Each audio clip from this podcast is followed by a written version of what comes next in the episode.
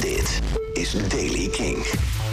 Er vallen nog wat buien die ook met hagel en onweer vergezeld kunnen gaan. Hey, later neemt vanuit de, de, in de middag vanuit het westen de kans op buien af. Komt er iets meer zon, maar het wordt hooguit 10 graden. En vooral bij de Wadden is het tamelijk winderig. Nieuws over de Red Hot Chili Peppers, het Roskilde Festival, Nirvana en de Dropkick Murphys. Dit is de Daily Kink van woensdag 5 mei. Michiel Veenstra.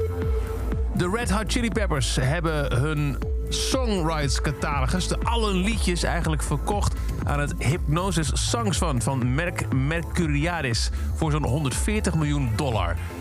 Die uh, Mercuriadis-instelling die hebben de laatste tijd uh, van heel veel artiesten al liedjes gekocht. Ze hebben onder meer van Richie Sambora, Neil Young, Lindsey Buckingham en Jimmy Iovine al allemaal rechten kunnen opkopen.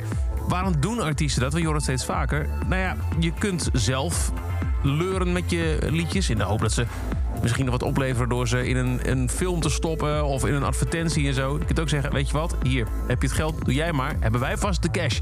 En dat hebben ze dus gedaan. 140 miljoen dollar voor alle publicatierechten van de Red Hot Chili Peppers back catalog.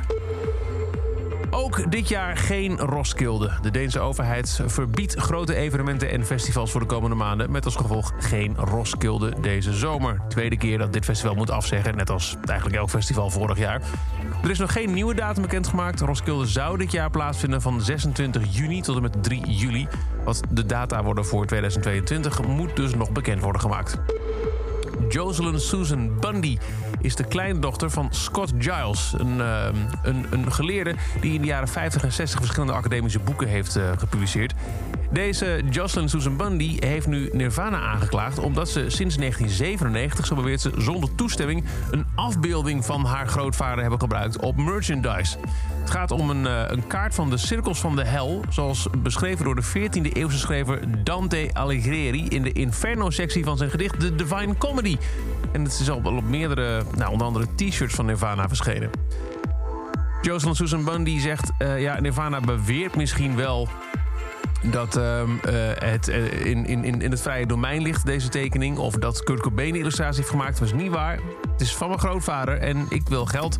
Al sinds 1997, zegt ze, wordt het dus onrechtmatig gebruikt. Terwijl als je verder terugkijkt, het al in 1989 werd gebruikt op Nirvana merchandise.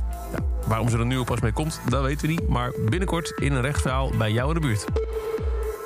Een van de weinige concerten van 2020. Dropkick Murphy stonden toen in februari nog in een Ziggo Dome in Amsterdam. En volgend jaar doen ze het nog eens dunnetjes over. 2022 met een nieuw album op zak staan ze op 12 februari in de Ziggo Dome in Amsterdam. Kink presents de Turn Up That Dial Tour van de Dropkick Murphys. Zo heet namelijk ook het nieuwste album.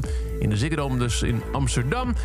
De Interrupters doen het voorprogramma en de kaartverkoop begint aanstaande vrijdag 7 mei. En dat is over de Daily Kink. Elke dag een paar minuten bij met het laatste muzieknieuws en nieuwe releases. Niks missen? Luister dan dag in dag uit via de Kink-app, kink.nl of waar je ook maar naar podcast luistert. En voor meer muzieknieuws en nieuwe releases check je elke avond om 7 uur Kink in Touch. Elke dag het laatste muzieknieuws en de belangrijkste releases in de Daily Kink. Check hem op kink.nl of vraag om Daily Kink aan je smart speaker.